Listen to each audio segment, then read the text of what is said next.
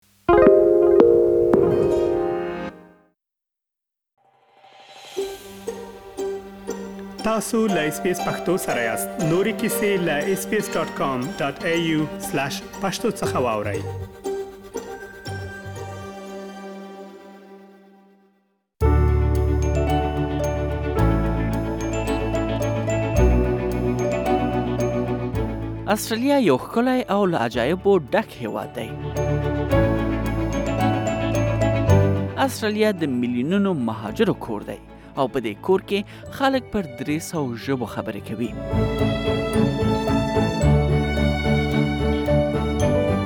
زموږ ملتیا وکړئ تر څو استرالیا او خپل نوی کور وپیژنئ اس بي اس پښتو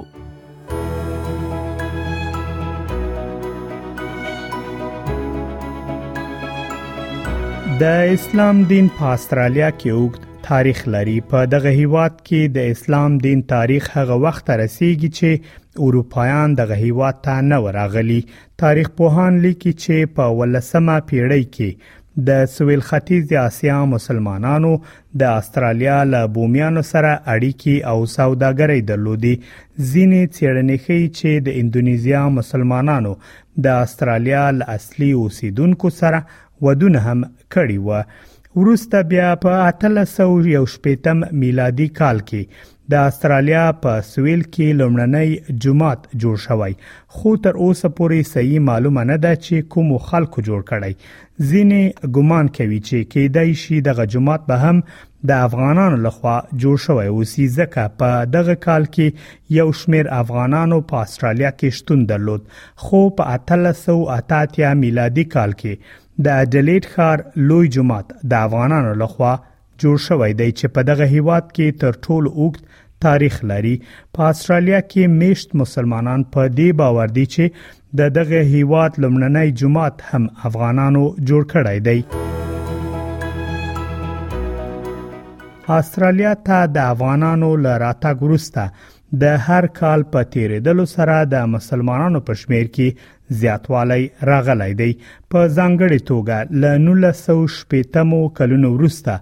د لبنان او ترکیه په زرهاو کسان استرالیا ته کډوال شوې دي د لبنانیانو او ترکانو له کډوالۍ وروسته په 1990 لسیزه کې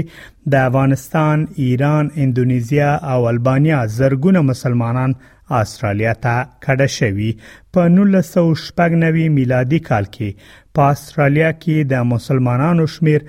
280 زره کسانو ته رسیده خو په 2011 میلادي کال کې 400 زره مسلمانان په استرالیا کې اوسېدل او نن ورځ له 600 زره څخه زیات مسلمانان په استرالیا کې استوګنه لري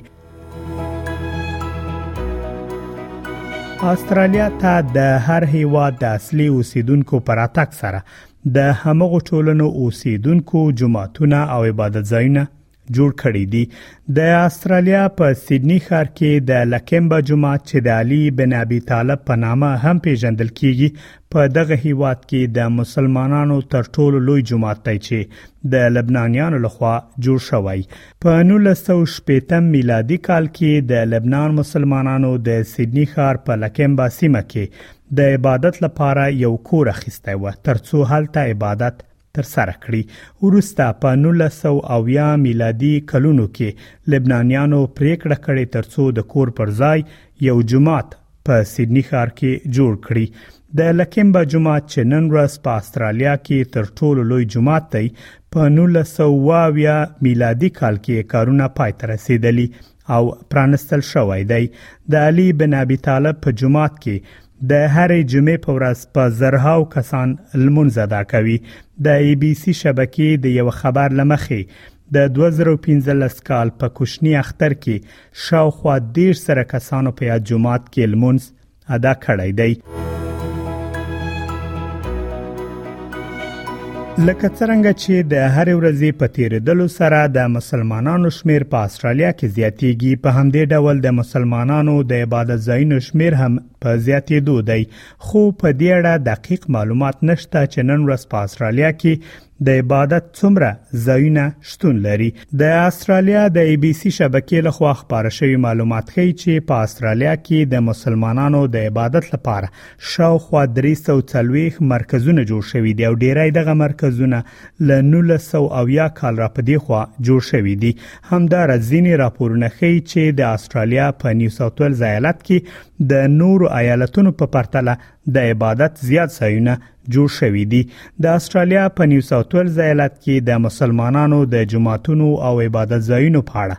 د چارلز سټارټ پوهنتون په 2014 کال کې یو څېړنه ترسره کړې د دغه پوهنتون د ترسره شوی څېړنو پایلې ښیي چې یوازې په نیو ساوت ویلز ایالت کې مسلمانان د عبادت یو سلو وشپېته مرکزونه لري چې په دغه ډله کې ځینې جماعتونه او ځینې هم داسې ځایونه دي چې یوازې د جمعې لمونځ پکې تر سره کیږي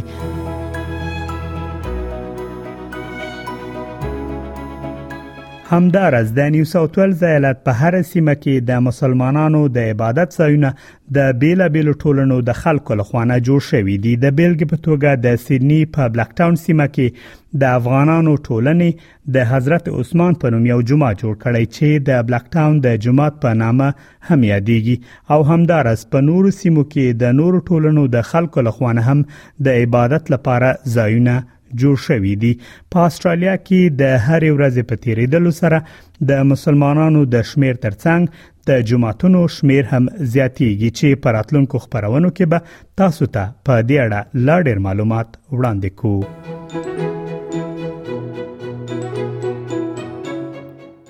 استرالیا د اس بي اس پښتو خبرونه لاله او پیژنې sbs.com.au/pashto وګورئ او اس بي اس پښتو فیسبوک خوښ یا لایک کړئ.